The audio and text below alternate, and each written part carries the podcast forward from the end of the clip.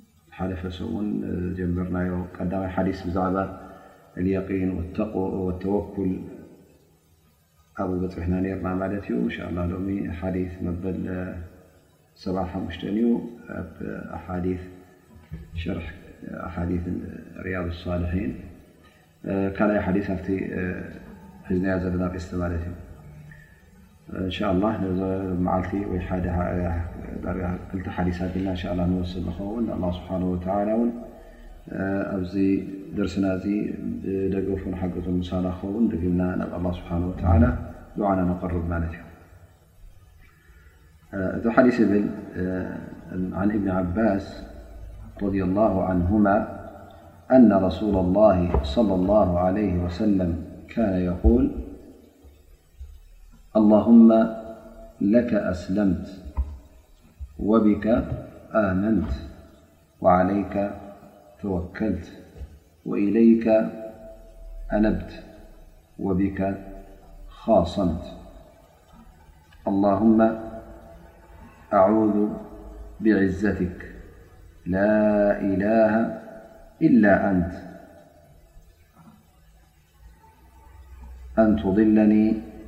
أنت الحي الذي لا تموت والجن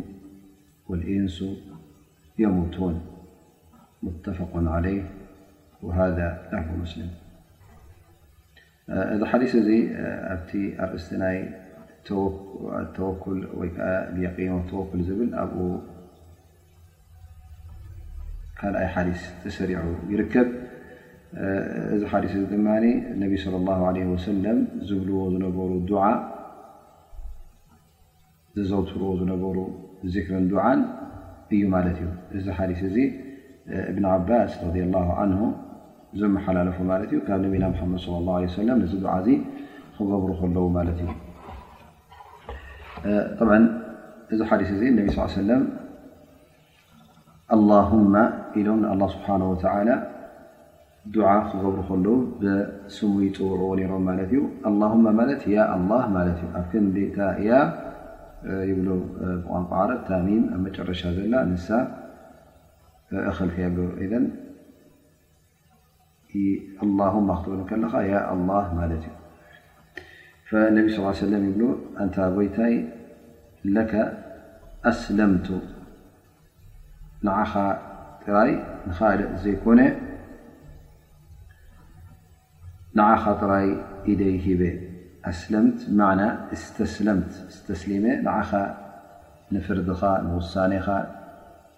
ኢደይ ሂበ ንትእዛዝካ ኢደይ ሂበ ፈትየ ሰሊመ ረድየ ተቐቢለ ኣሚነ ተረጋጊፀ ስለዚ እቲ እስትስላም ክበሃል ከሎ ፈቲኻ ኢድካ ክትህብ ማለት እዩ እቲ ንኣላ ስብሓን ወተላ ድማ ኩሉ እንትናኻ ኢኻ ትቦ ማለት እዩ ኣካላትካን ቀልብኻን ኣእምሮኻን ኩሉ ንመን እዩ ዘስተስልም ንመን ኢዱ ዝህብ ንኣላ ስብሓን ወተላ ምክንያቱ ኩሉ ምንቅስቃሳትካ ኩሉ ቃላትካ ኩሉ እምነትካ ብናይ ኣላ ስብሓን ወተላ እተቀየደ ክኸውን ኣለዎ ጎይትኡ ስለ ዝኾነ ኣምልኾት እውን ንመን ክህብ ኣለዎ ንኣላ ስብሓን ወላ ስለዚ ነቢና ሓመድ ለ ሰለም እዚ ዱዓ እዚ ክብሉ ከሎ ኣላሁመ ለከ ኣስለምቱ ክብሉ ከሎ ማለት ኣነ ኩሉንትናይ ንዓኻ እዩ ንዓኻ ዝተስሊሞ እዩ ትእዛዛትካ ቅቡል እዩ ፍርድኻ ክቡር እዩ ኣኽብሮ እየ ኣነ በቲ ዝኣዘዝካንን በቲ ዝፈረድካንን ረድየ ተቐቢለ ትእዛዛትካን ኩሉ ዝሃብካኒ ትእዛዛት እውን ኣሚነሉ እየ ኢልካ ናብ ኣላ ስብሓን ወተላ ግዴታ ክተስተስልም ከም ዘለካ እዩ ዘብርህ ማለት እዩ ሓዲ ወቢካ ኣመንት ወቢካ ቢካ ያ ኣላ ብኣኻ ኣንታ ጎይታይ ብኩሉ እንትናኻ ማለት በቲ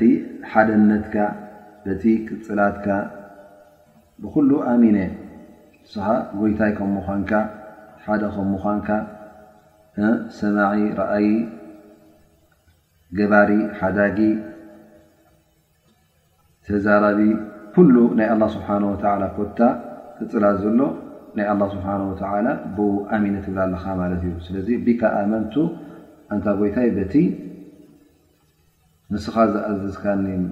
መን ከም ምዃንካ በቲ ከኣምነልካ ዝኣዘዝካኒ ብኹሉ ኣነ ኣሚነ እዩ ትብል ዘለኻ መሰለኒ ስለዚ እምነትካ ናይ ኣላ ስብሓን ወተዓላ ቀጥ ዝበለ እምነት ከም ምዃኑ እውን ኣመንቱ ኢልካ ትኣምን ማለት እዩ ፈኢዘ ነቢና መሓመድ ስ ሰለም ኣላሁማ ለካ ኣስለምቱ ኢሎም ወቢካ ኣመንቱ ኣብ ርእሲኡ ወዓለይካ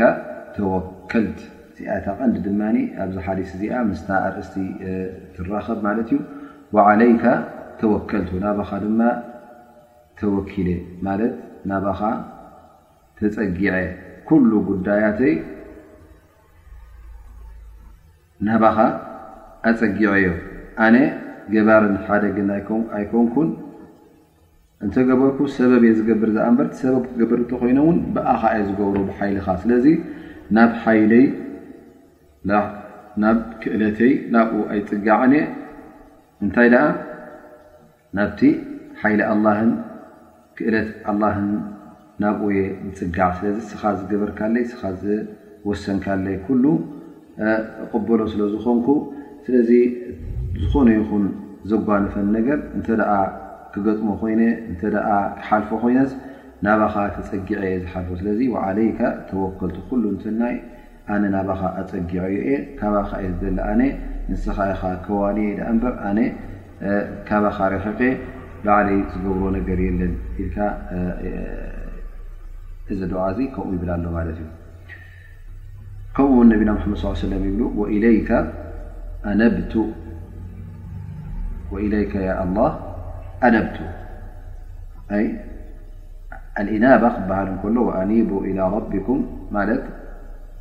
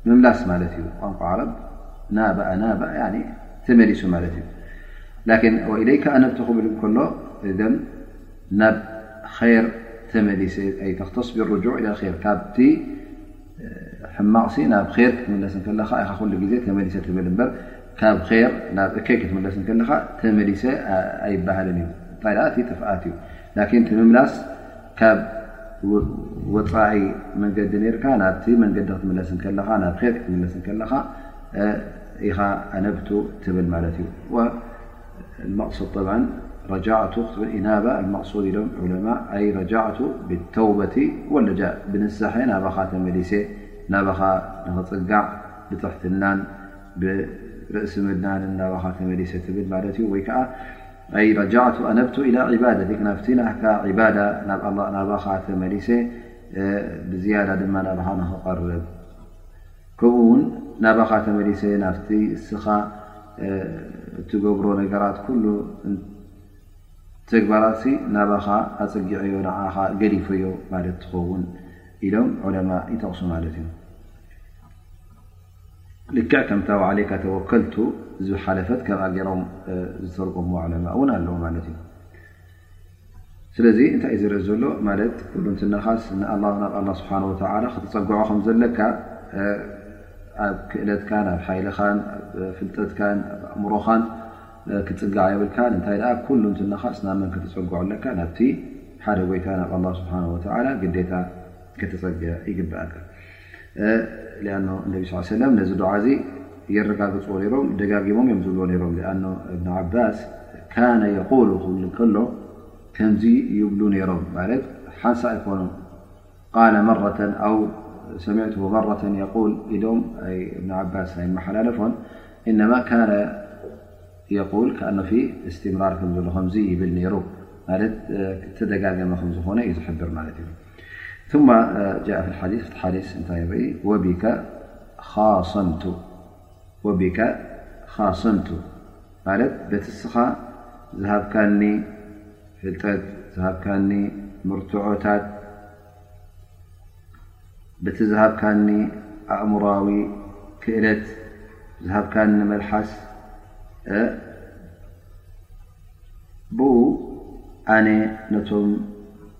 ፀላእቲ ነቶም ፀላእቲ እስልምና ነቶም ፀላእቲ ዲን ሲ ብኡ ገይረ ተቓሊሰዮም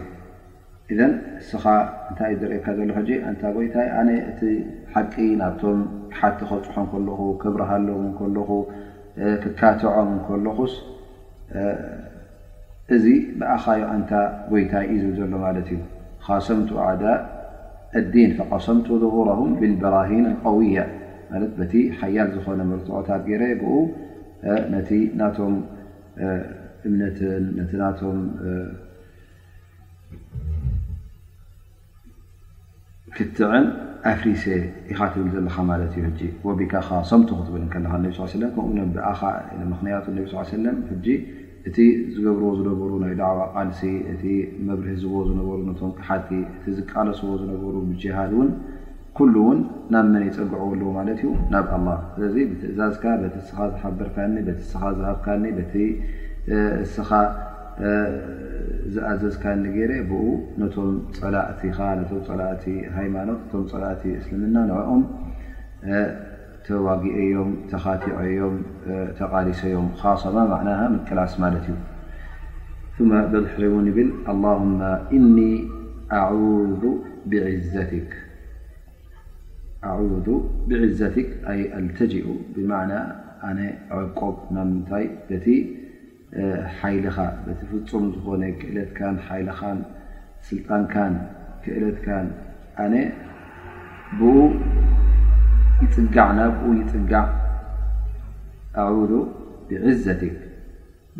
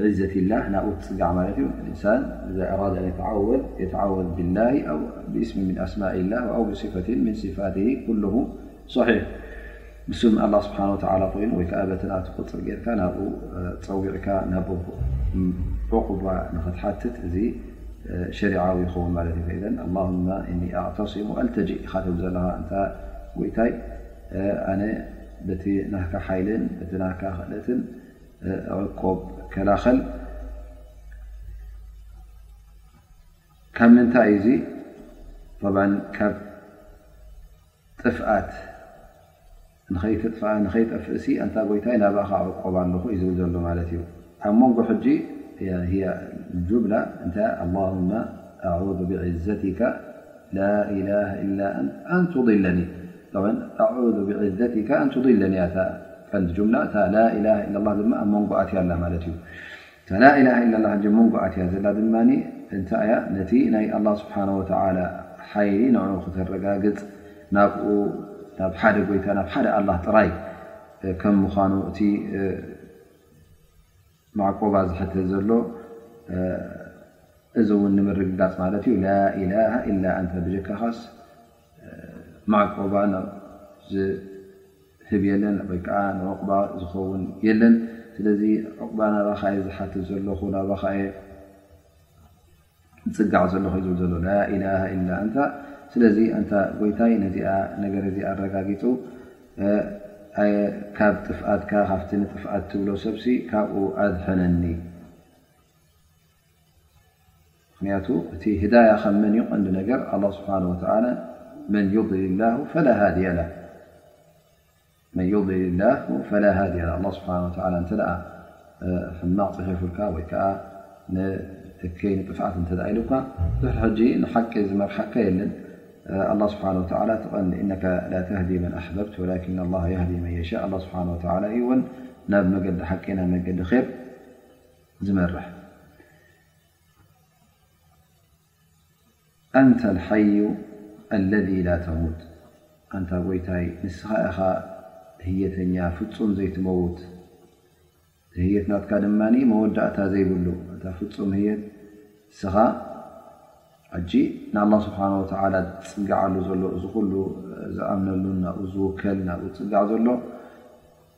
እንታይ ስለ ዝኾነ ዩ ምኽንያቱ ኣላ ስብሓን ወተላ እቲ ናብኡ ክንፅጋዕ ናብኡ ዑቕባ ንክንሓትት ዝግባእ ከም ምኳኑ ምኽንያቱ ሓደ ካብቲ ነዚ ነገራት እዚ ጎይታ ስለ ዝኾነ ማለት እዩ ዝመውት ሕጂ ነዚ ነገር እዚ ኣይበቅዕን እዩ መን እዩ ነዚ ነገር እዚ በቃ ፍፁም ህየተኛ ክኸውን ኣለዎ ማለት እዩ መጨረሻ ዘይብሉ ህየቱ ስለዚ ኣንታ ሓዩ ንስኻ ኢኻ ኣንታ በዓል ህየት ፍፁም ንመዋእል ዘይመውት ኣልቀዩም ከምኡ ውን ዘይመውት ኢልና ማለት እዩ ምክንያቱ እቲ ሓይ በዓል ሂይት እተ ኮይኑ ኩሉ ግዜ እንታይ ክገብረካ እዩ ማለት እዩ ንዓኻ ክናብየካ እዩ ዘድልየካ ኩሉ እውን ከመላእካ እዩ እተ ክመውት ኮይኑ ግን መዋት እ እንታይ ክጠቕመካ ድሕር ሰኻ ትመውት ንሱ ትመውት ኮይኑ ኣብቲ ዝመተሉ ግዜ ኣይክጠቕመካ ስለዚ ኣላ ስብሓን ወተላ ፍፁም ህየተኛ ዘይመውት እዩ ጎይታ ስለ ዝኾነ ኣላ ስብሓን ወተላ ጎይታና ስለ ዝኾነ ፍፁም ሞት ዝበሃል ኣይቀርቦን እዩ ምክንያቱ እቲ ንዓኻ ዝሕልወካ ዝናብየካ ካብ ኩሉ ነገራት እውን ሂወትካ ዝሕልወልካ እውን መን ክኸውን ኣለዎ? እቲ በዓል ሙሉእ ህየት ክኸውን ኣለዎ። እንተ ዝመውት ኮይኑ ግን ክጠቕመካ ኣይክእልን እዩ።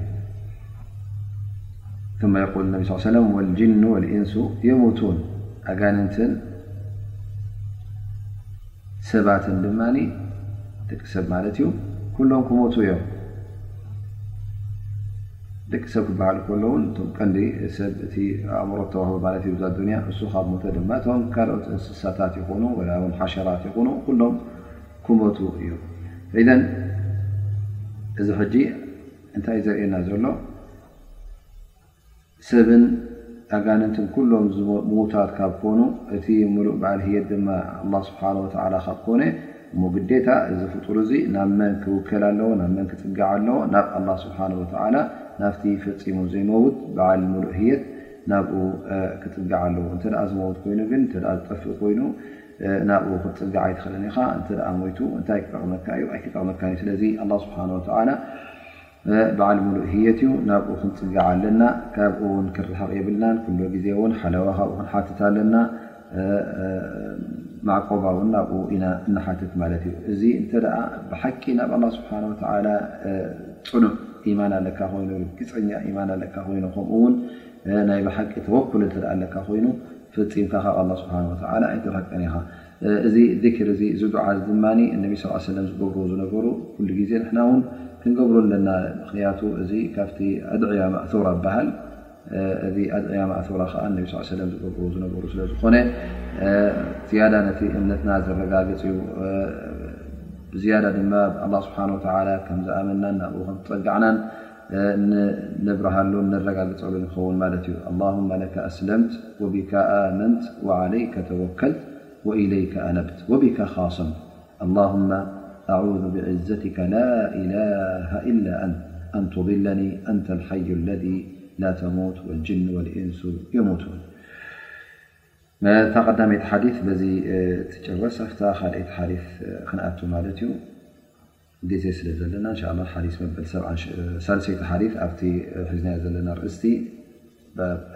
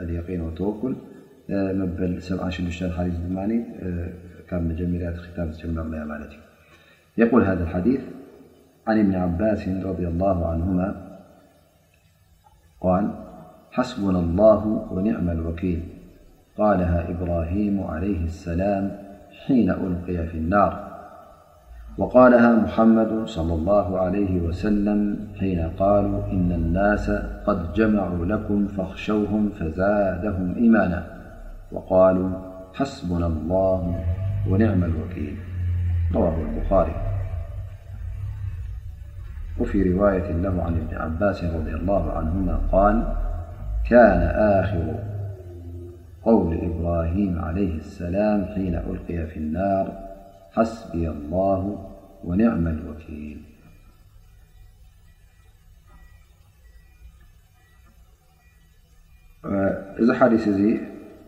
እንታይ እዩ ዘርእየና ዘሎ ን እብራሂም ዓለ ሰላም ኣብ እሳት ምስ ተደርበየስ እታ ዝበላ ቃል እንታይ እያ ነራ ሓስቡ ንላ ወኒዕም ልወኪል እዛ ቃል እዚኣ እውን ነቢና ሙሓመድ ለ ላ ሰለም ኢሎማ እዮም መዓሰይ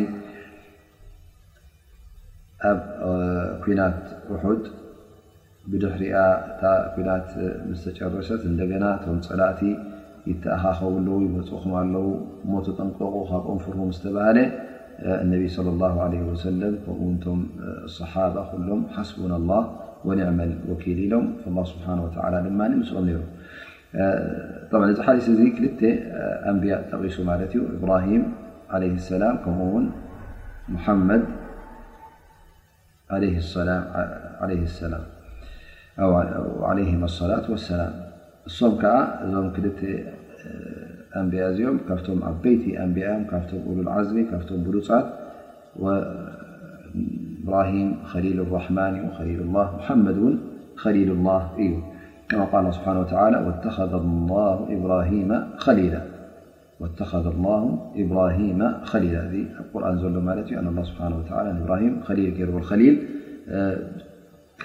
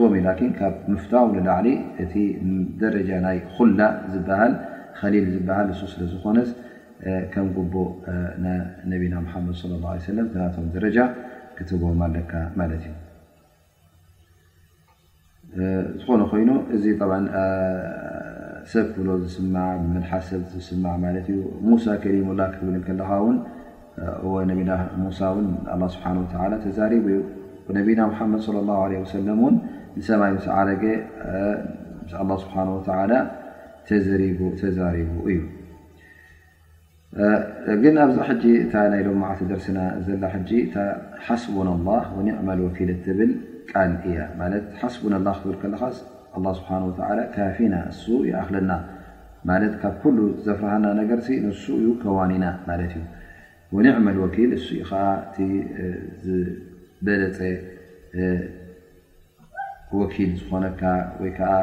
ዝበለጸ ክትጽግዖ እትኽእል ክትጽግዖ ከለኻ ድማ ዘይጋደፈካ እብራሂም ዓለይሂ ሰላም እዛ ቃል እዚኣ ሓስቡና ላህ ወኒዕማል ወኪል ትብል መዓስ ኢሎማ ነቢላ እብራሂም ኣብ እሳት እቶም ኣብ እሳት ምስ ተደርበዩ መን እዩ ደርብዎም እቶም ህዝቦም ማለት እዩ ነቢና እብራሂም ለ ሰላት ወሰላም ንህዝቡ ናብ ዕባደት ላ ን ስብሓ ወላ ከምልኹ ዝፀውዖም ፈፂሞም ሽርክነት ምስ ኣላ ስብሓ ወላ ዝገብሩ ዘለዉ ጌጋ ከም ምኳኑ ምስ ኣብርሃሎም እዞም ሰባት እዚኦም ፈፂሞም ኣብዮም ኣብቲ ዘለዎ ክሕደትን ኣ ዘለዎ ሽርክነትን ምስ ኣላ ስብሓ ወላ ዳረግቲ ንምግባር ናብኡ ንኡ መሪፆም ማለት እዩ ብዙሕ ግዜ ፈቲኑ ምስ ዓብዩ እሞ ኣብ መጨረሻ ከም መፈተኒ ኢሉ ነቶም ዘምልኽዎም ዝነበሩ ስእልን ምስልን ንኹሎም ስብርብር ኣቢሉ ጥራይ ነቲ ዓብዪ ገዲፍዎ ማለት እዩ ምስ ተመለሱ ሕጂ ተረኣዩ እቶም ጎይቶቶም ኩሎም ተሰባቢሮም ሪኦሞም ማለት እዩ መን ድኣ ኣሲርዎም እዚኦም ኢሎም ምስ ሓተቱ ነብላህ እብራሂም እሞ ሓደ ዓብ ኣሎ ነቲ ዓብ ዘይትሓትዎ እሱ ምናልባሽ ርእዎ ክኸውን እተ ዝምልስ ኮይኑ ፈስኣሉ ከቢሮም ኢልዎ ግን እዞም ሰባት እዚኦም ንሱ ከም ዝሰበሮም ስለ ዝፈለጡ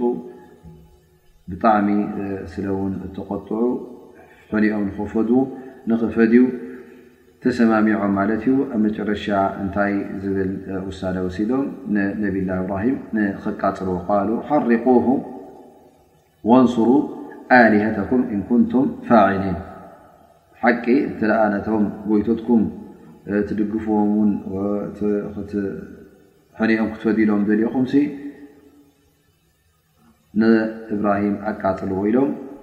እንታይ ዝኣመሰለት እሳት ማለት ብጣዕሚ ሓያል ዝኾነ እሳት ኣቃፂሎም ማለት እዩ ኣብ ጥቓኣ ውን ክትቀርብ ዘይተኽእል እሳት ባዕሎም ንነብላ እብራሂም ክድርብዎ ምስ ደለዩ ኣብታ እሳት ቀሪቦም ክድርብዎ ይከኣሉን እንታይ ደኣ ገይሮም ማለት እዩ ኣርሒቖም ብመንጀኒቕ ዝበሃል ከምዚ ናይ ቀደም መድፍዕ ዝበሃል ነይሩ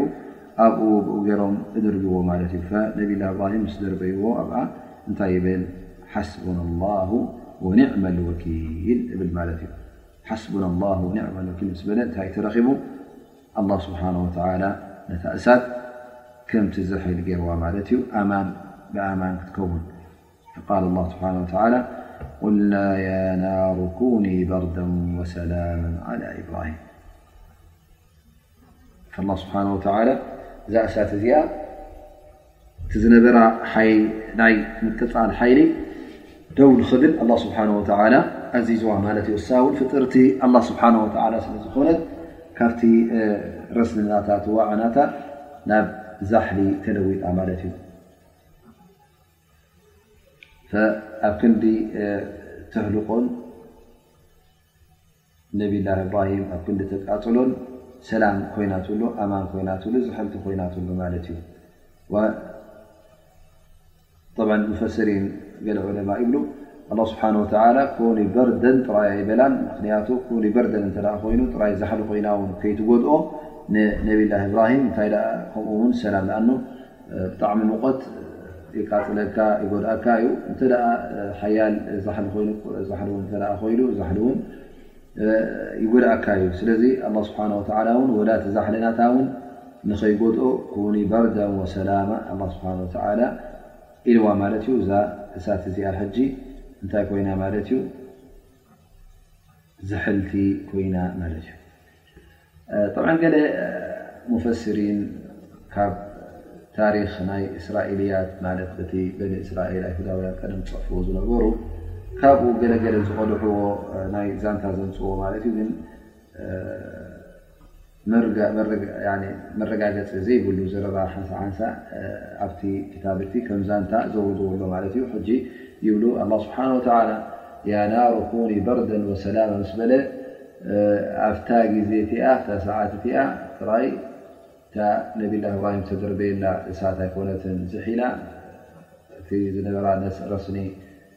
ተጠፊኡ በል ኣብ ምሉእ ዓለም ዝነበረ እሳት ኩሉ ዝሒሉ እዩ እቲ ዝነበሮ ናይ ምቅፃል ሓይሊ ውን ተመንዚዑ እዩ ኢሎም ተዛረቡ ዑለማእ ኣለው ግን እዚ መረጋገፂ የብሉን ወላ ውን በቲ ናይ ቋንቋ ዓረብ እንተ ርኢና እዛ ኣያ እዚኣ ያ ናሩ ኩኒ በርደን ትብል ዘላ ኣብቲ ቋንቋ ዓረብ እዛ ጻውዒት እዚኣ ንፍልይቲ እሳት ከም ዝኾነት እያ ተብርህ ኢሎም ማለት እዩ። ስለዚ እታ ኣላህ ስብሓነሁ ወተዓላ ሓይሊ ናይ ምቅጻል ዝመንዝዓ እሳት ኣይነይቲ እያ፣ እታ ናይ ነብይላህ እብራሂም እሳት ጥራይ እያ ደኣ እምበር ኩሉ ኣብ ሙሉእ ዓለም ዘሎ እሳት ኣይኮነን።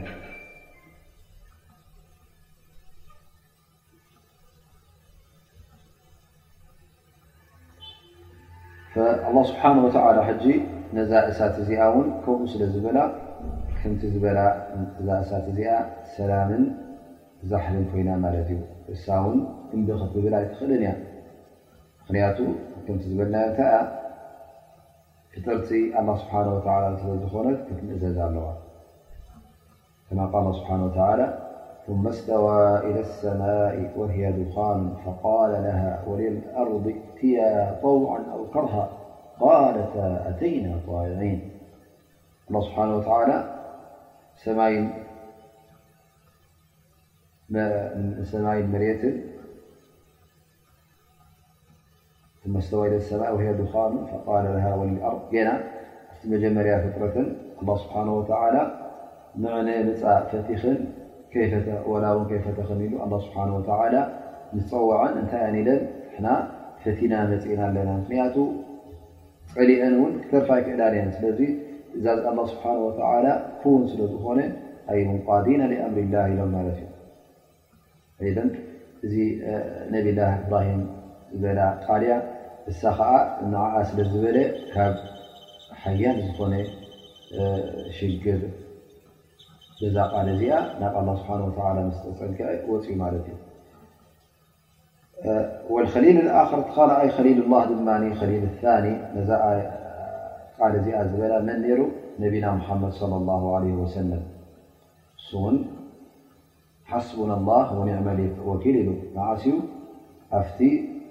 ፅኑዕ እዋን ኣብቲ እስልምና ኣብ ፅንኩር መድረኽ ዝበፅሓሉ እዋን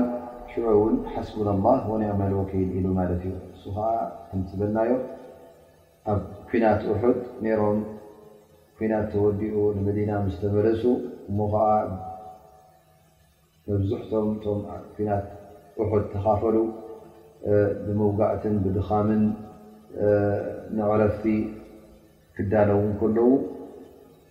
ሰብዓ ዝኾኑ ውን ካብቶም ብፆቶም ዝሞቱሉ ኣብዚ ሰዓት እዚ ንፅባሒቱ ማለት ዩ ምልስ ምስ በሉ ንመዲና እንታይ ዝብል ወረ መፅኡ?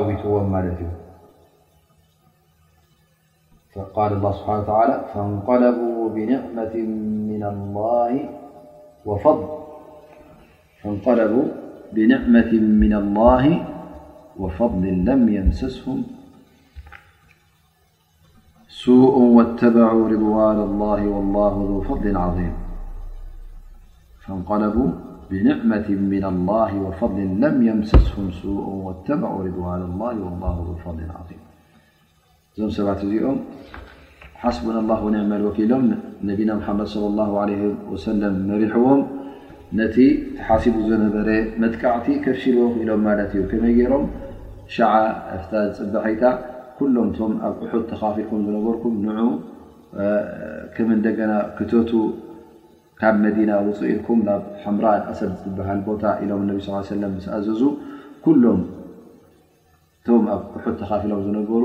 ምስ መቑሰልቶም ምስ ዝነበሮም ምስ ድኻሞም ምስ ኩሉ ንነቢና ሙሓመድ ስ ላ ለ ሰለም ሰሚዖም ሰምዐን ወጣዓተን ኢሎም ሓስቡና ላ ወኒዕመል ወኪል ኢሎም ምስ ወፁ ኣላ ስብሓን ወተላ ድማ እቲ ፀላኢ ከምዘይቀርቦም ገይርዎም እቲ ፀላኢ ፈሪሁ ካብ እቲሓሲብዎ ዝነበረ ናይ መጥቃዕቲ ገዲፍዎ ከይዱ ማለት እዩ ላ ስብሓን ወተላ ነዞም ኣስሓብ ነቢ ነቢና ሓመድ ስ ሰለም ብሰላም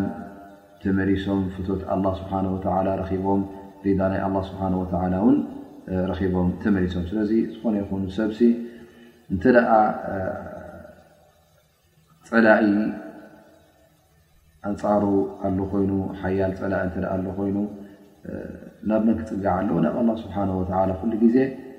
ክፅጋዓ ኣለዎ ማለት እዩ ሓስቡን ላ ወኒዕመል ወኪል ክብል ኣሎ ኣብ ፅንኩር ኩነታት እተ ኮይኑ ኣብ ሽግር እተ ኣሎ ኮይኑ